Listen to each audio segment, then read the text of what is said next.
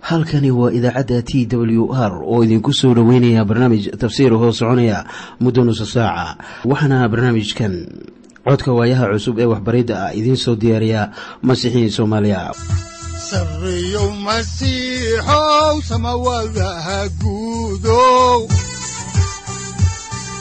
Siraadkii adduunkow subanaha eebow sareyow masiixow samawadaha guudow siraadkii adduunkow subanaha eebow adigoo samaada jiro ifkan soo saldhiganba adigoo samaada jiro ifkan soo saldhiganba kutubtiisanaye udanogu saaciiday sharxin sifahaaga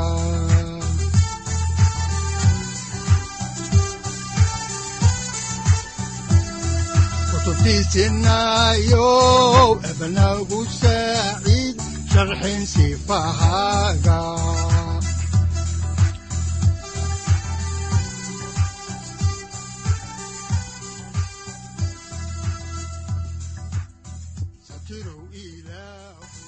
ku soo dhowaada dhegaystayaal barnaamijkeenna dhammaantiinba. Waxaannu caawa idiin sii wadi doonnaa daraasaad aynu ku eegayno injiilka sida matayos uu qoray. Waxaana daraasaadkaas loogu magacdaray baibalka dhammaantii waxaannu macluumaad idinka siinaynaa ahmiyaddii injiilka sida matayos uu qoray. Waxaannu caawa idiin sii wadi doonnaa ahdiga cusub. Injiilka sida matayos uu qoray cutubka afraad mawduucyada cutubkani uu ka kooban yahayna waxa ay kala yihiin kow. Jarribaaddii ciise lagu jarribay cidlada. Labo bilowgii howshii wacdigiisa uu ka bilaabay kafarna'um iyo saddex oo ah u yeeristii afar ka mid ahayd xertiisa oo joogtay badda galilii balse inta aynan idiin bilaabin kitaabka aynu wada dhegaysanno qhasiidadan soo socota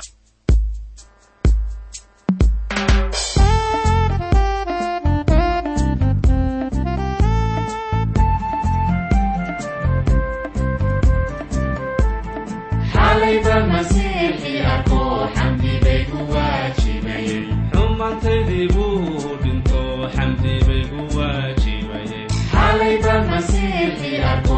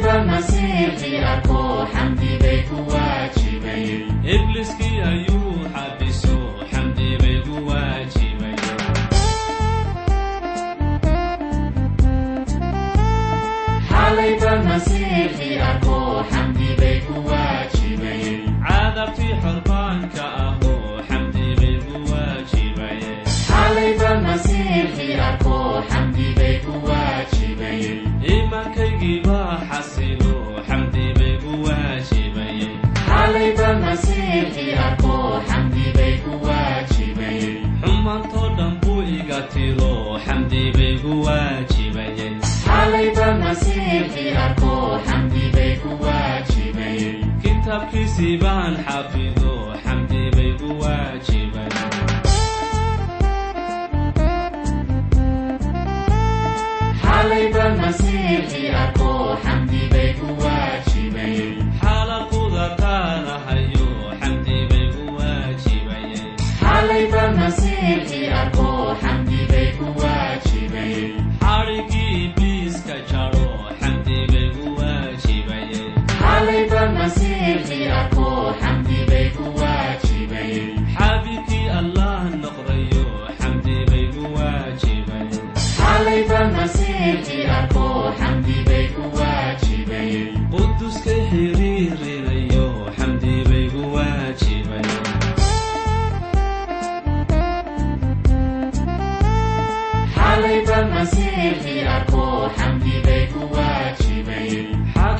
xusuusanaho xamdi baygu waajibay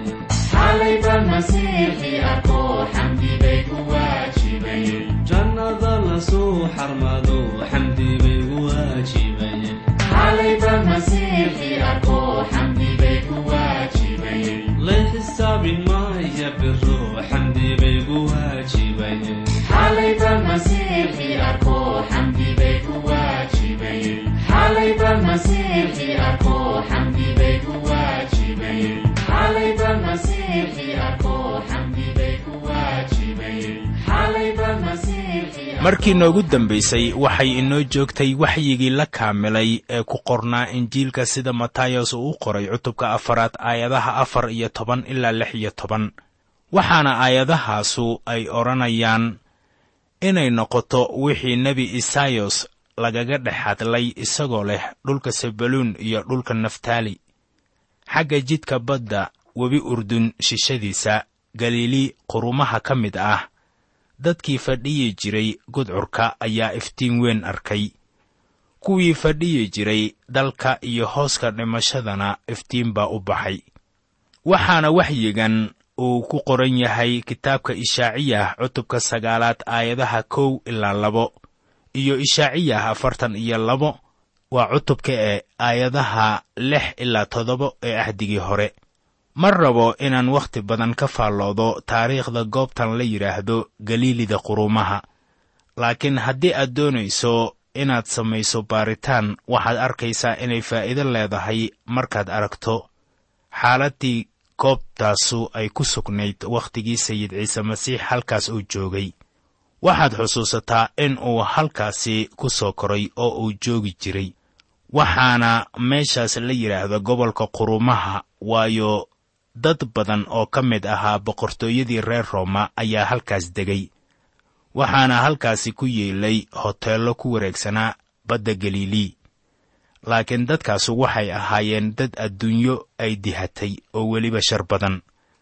Dadkii halkaas degganaa ilaah way ka fogaayeen.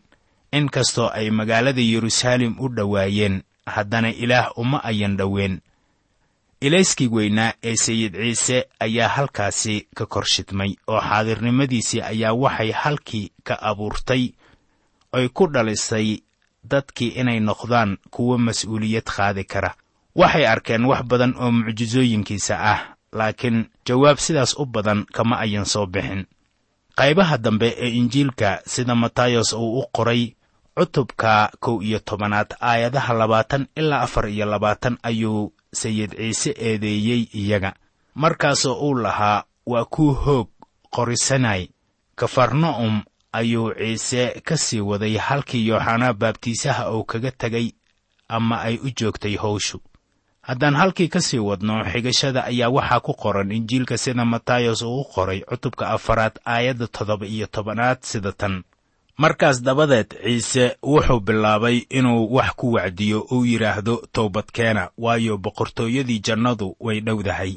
Farriinta ciise waxay ahayd toobadkeena oo ii kaalaya waayo boqortooyadii jannadu way soo dhowdahay. Waxay ku soo dhowaatay iyadoo ay ku jirto qofnimada boqorka. Dabcan waayo heli maayaan boqortooyada jannada isaga la'aantiis sidaannu horay u soo aragnay. Marka la leeyahay boqortooyada jannada waxay taasu qeexaysaa xukunka samada ka imaanaya oo lagu xukumayo dhulka. Taasuna waa waxa sayid ciise uu siinayo dunidan maalin maalmaha ka mid ah. Dhulkanna wuxuu janno u noqonayaa israa'iil oo ahaa dad adduunyo waxaanay abid ku noolaanayaan halkan. Kiniisaddu waxay leedahay rajo samaawi ah laakiin rajadan adduunyo waa mid cajiib ah waana rajada ahdigii hore.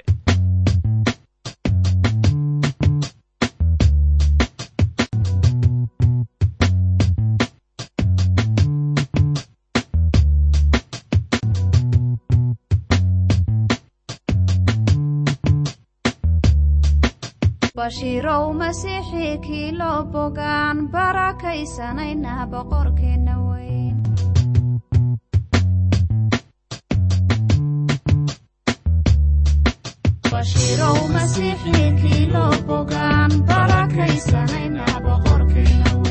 markuu buunku yeeroo laysu soo baxaan barakaysanayna boqorkeenna weyn bashiirow masiixii kii loo bogaan barakaysanayna boqorkeenna weyn bannaankii qiyaama markay beeshu joogtaan barakaysanayna boqorkeenna weyn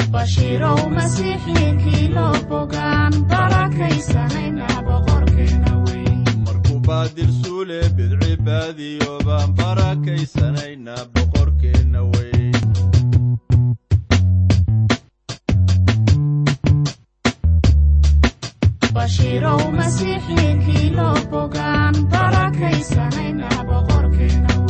Bararkii ilaahee darteen loo bireeyaan barakaysanayna boqorkeenna weyn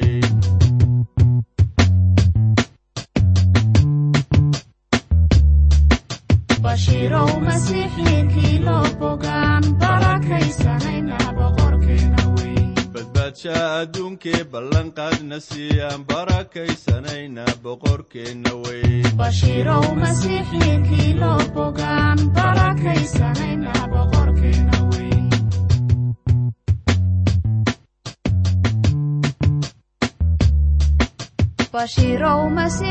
kii loo bogaan iminka waxaynu ka hadlaynaa maaddada ah ciise wuxuu bilaabay inuu xertiisa u yeedho haatan ciise wuxuu bilaabay inuu ururiyo xer uu wax baro. Waxaad ogaataa ama eegtaa aayadaha ku qoran axdiga cusub. Injiilka sida matayos uu u qoray cutubka afaraad aayadaha siddeed iyo toban ilaa sagaal iyo toban waxaana qoran sida tan markuu badda galilii ag marayey wuxuu arkay laba walaalo ah. Simon kii butros la odhan jiray iyo andrus oo ahaa walaalkiis iyagoo shabag badda ku tuuraya. Waayo waxay ahaayeen kalluumaystayaal oo wuxuu ku yidhi isoo raaca waxaan idinka dhigayaa kuwa dadka jillaabta. Injiilka ayuu sayidku saddex baaq ugu yeerayaa nimankan waxaaban is leeyahay waxaa ka wanaagsan inaan idhaahdo saddex kulan ayaa dhex maray nimankan iyo masiixa. Kulankii koowaad wuxuu ka dhacay yeruusaalem sida ku qoran injiilka sida yooxanaa uu u qoray cutubka koowaad aayadaha shan iyo soddon ilaa afartan iyo labo. Kulankoodii saddexaad wuxuu ka dhacay badda galilii kanuna waa midka haatan qoran. Horay ayay u arkeen laakiin halkan ah badda galilii kolkuu mar kale arko ayuu ugu yeedrayaa inay isaga soo raacaan. Dabeetana waxaan arki doonnaa inay ku noqdeen kalluumaysigoodii. Waxaana faalladaas ina siinaya ama aynu ku helaynaa injiilka sida markos uu u qoray iyo injiilka sida luukos uu u qoray. Markii ugu dambaysay ayuu u yeedhay waana u yeedhistii rasuulnimada tan la yaabka leh ayaa waxay tahay in ciise uu u yeedhay niman sidan oo kale ah. Waxaan mar waliba dareemayaa maadaama uu u yeedhay niman aan kaamil ahayn sida aniga iyo adiga wuxuu weliba awoodayaa inuu isticmaalo aniga iyo adigaba waase wax dhiiragelin leh in la ogaado inayan ahayn inaan noqonno kuwo quduusnimo sheegta ama owliyo si uu inoo isticmaalo. Laga yaabo inaannu kaa dhigin mid dadka jillaabta haddii aadan ku jirin hawsha kalluumaysiga laakiin hawl kasta oo aad ku jirto weli wuu ku isticmaali karaa. Hadiyad waliba ee aad leedahay haddii aad isaga ku wareejiso wuu isticmaali karaa. Haddaan ku soo noqonno kitaabka ayaa waxaa ku qoran injiilka sida matayos uu u qoray cutubka afaraad aayadaha labaatan ilaa laba iyo labaatan sida tan. Markiiba intay shabagyadii ka tageen ayay raaceen isagii.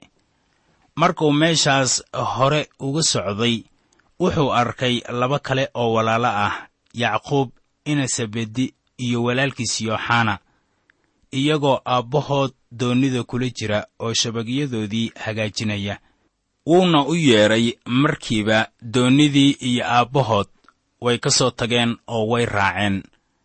Kuwani waxay ahaayeen niman yaab leh. Aad baan u ogaan doonaa iyaga markaan horay u sii soconno qaas ahaan markaan ku aragno injiilada kale. Haatan waxaad xusuusataa in ciise uu joogo qaybaha waqooyi ee dalka israa'iil wakhtigaas qaaska ah haddaan halkii ka sii wadno ayaa waxaa ku qoran aayadda saddex iyo labaatanaad ee isla cutubkan sida tan. Ciise ayaa galilii oo dhan ku wareegay isagoo sunagogyadooda wax ku baraya oo injiilka boqortooyadii ku wacdiyaya oo bukaan oo dhan iyo cudur oo dhan bogsiinaya dadka dhexdiisa.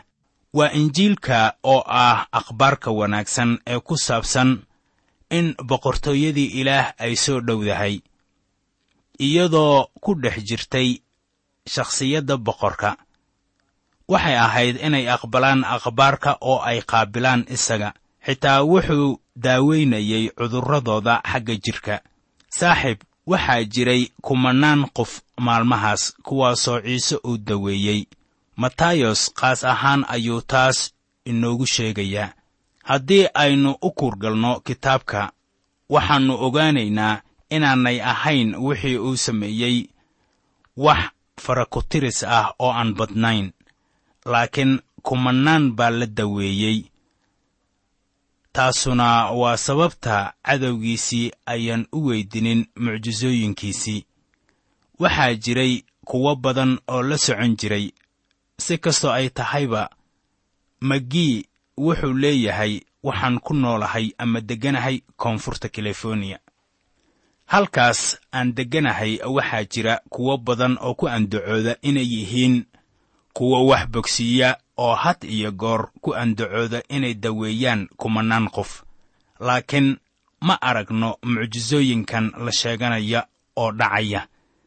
Haddaan soo koobo ayuu leeyahay magii anigu ma arag mucjisooyinkaas oo dhacaya haddaan dib ugu noqonno kitaabka ayaa waxaa ku qoran injiilka sida matayos uu u qoray cutubka afaraad aayadda afar iyo labaatanaad sida tan. Warkiisuna waa gaaray suuriya oo dhan oo waxay u keeneen kuwii bukay oo dhan oo cudurro kala ceenceen ah iyo silic qabay iyo kuwa jinni qaba iyo kuwa suuxdin qaba iyo kuwa curyaan ah wuuna bogsiiyey. Haatanna waxaan eegaynaa sida dadka ay u badnaayeen. Innagoo ka eegaynaa injiilka sida matayos uu u qoray cutubka afaraad aayadda shan iyo labaatanaad oo leh waxaana raacay dad badan oo ka yimid galilii iyo dekabolis iyo yeruusaalem iyo yuhuudiya iyo webi urdun shishadiisa dekabolis waxay ahayd degmo ka mid ahayd toban caasimadood oo ku tilay qaybaha waqooyi ee deegaanka galilii oo ah bariga webiga jordan. Waxaa kaloo jiray kuwo badan oo ka yimid yeruusaalem iyo yuhuudiya oo ahayd qaybaha koonfureed ee waddanka filistiin iyo webi urdun shishadiisa ciise wuxuu dadka ku wacdiyayey waqooyiga filistiin. Waa in haddaba maanka lagu hayaa markaan ka falanqoonayo injiilka sida matayos uu u qoray inaannu matayos ina siinaynin qoraal isdaba yaal oo ku saabsan noloshii masiixa. Wuxuu inoogu muujinayaa injiilkan uu qoray in ciise uu yahay boqorka. Wuxuuna raacayaa wadiiqo ah kacdoon ama dhaqdhaqaaq lagu keenayo boqorka iyo sheegashadiisa qaranka israa'iil. Taasaa muhiim ah in laysla eego haddii aynu garan weyno dhaqdhaqaaqa ku jira injiilka sida matayos uu u qoray waxaannu seegaynaa danta injiilkan. Dhegaystayaal iminkana aynu eegno cutubka shanaad. Waxaannu haatan soo gaarnay cutubka shanaad ee axdiga cusub injiilka sida matayos uu qoray. Mawduucyada cutubkani uu ka kooban yahay waxa ay kala yihiin kow.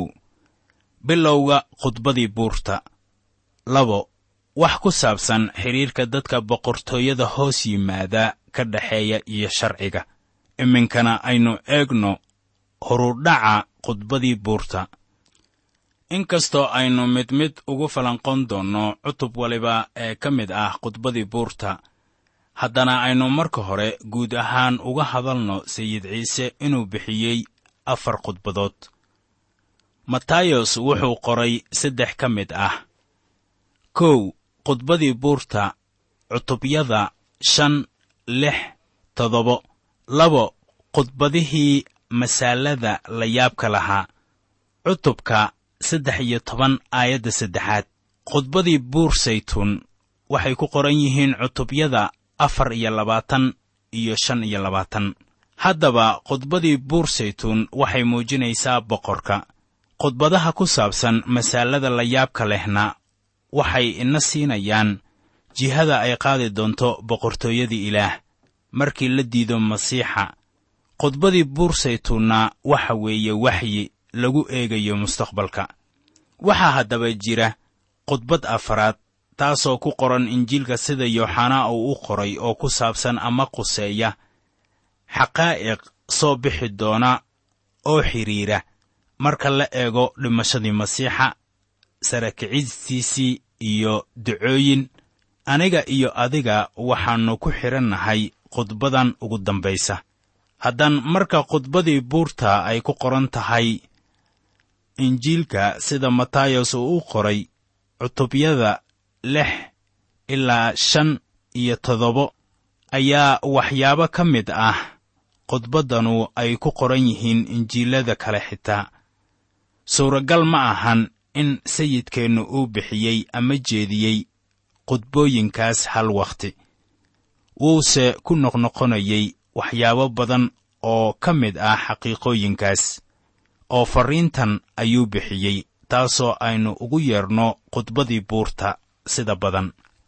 Luukos wuxuu qorayaa qidcooyin ka mid ah khudbadaas oo wuxuu sheegayaa in sayidkeennu uu soo dhaadhacay u istaagay halkaas isagoo muujinaya luukos in sayidku sidaas yeelay wakhti badan.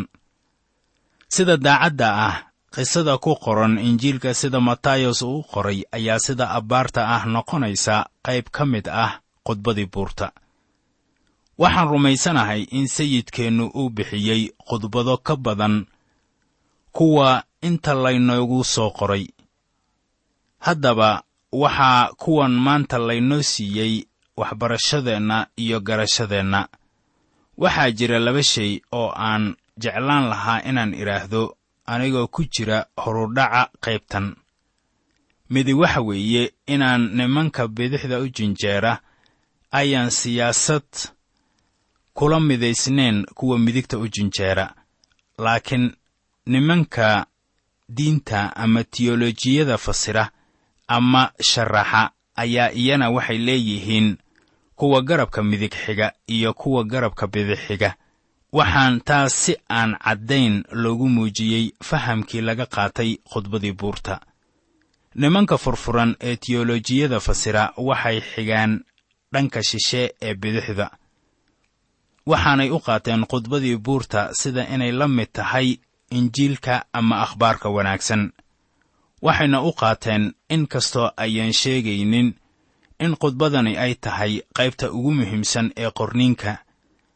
Waxaan idin sheegayaa in haddii aad sii dhegaysataan barnaamijyadan aad ka helaysaan waxyaabo muhiim ah oo ay tahay inaan dhammaanteen ogaanno si aynu kaga gudubno fikradaha qaldan ee aynu injiilka ka haysanno. Bilxaqiiqa cashiradan waa kuwo muhiim ah kuwaasoo ay tahay inaad si weyn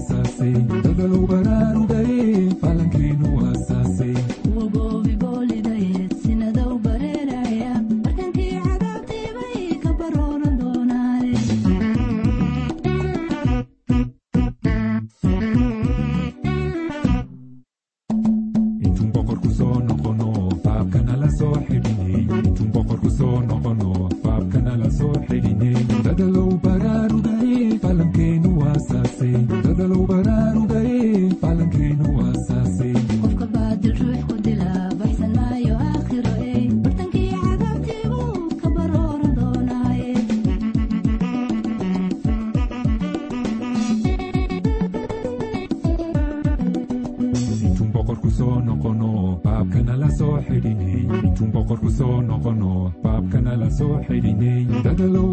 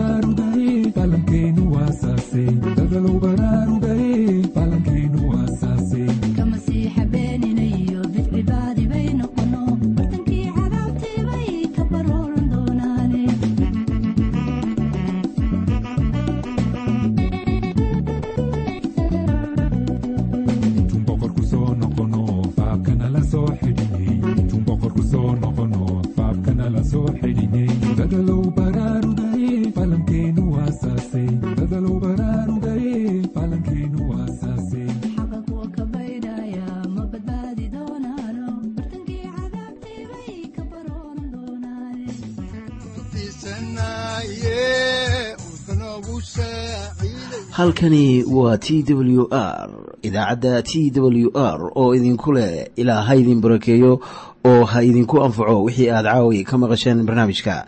Waxaa barnaamijkan oo kalea maqli doontaan habeen dambe hadahan oo kale haddiise aad doonaysaan in aad fikirkiina ka dhiibataan wixii aad caawi maqasheen ayaad nagala soo xiriiri kartaan som t w r at t w r c o k e dhegaystayaal haddii aad doonaysaan inaad mar kale dhegaysataan barnaamijka fadlan mar kale booqo www t t b o r g ama www t w r o r g halka sare waxaad ku arkaysaa markii aad gasho language ama luuqadda waxaana dooranaysaa soomaali.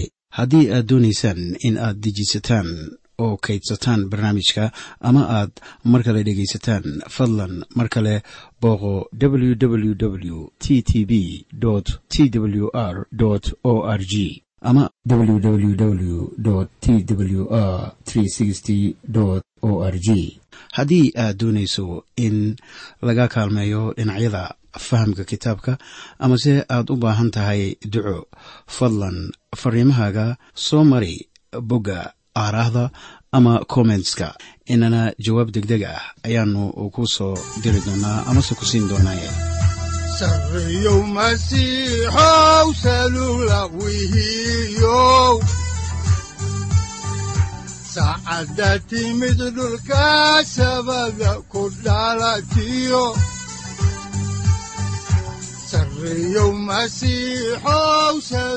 halkani waa t w r oo idiin rajaynaya habeen baraare iyo barwaaqaba leh inta aynu ka gaari doono wakhti aynu ku kulanno barnaamij la mida kan caawayay aad maqasheen. Waxa aan idinku leeyahay nabadda ciise masiix ha idinku badato xagga jidhka iyo ruuxaba. Aamiin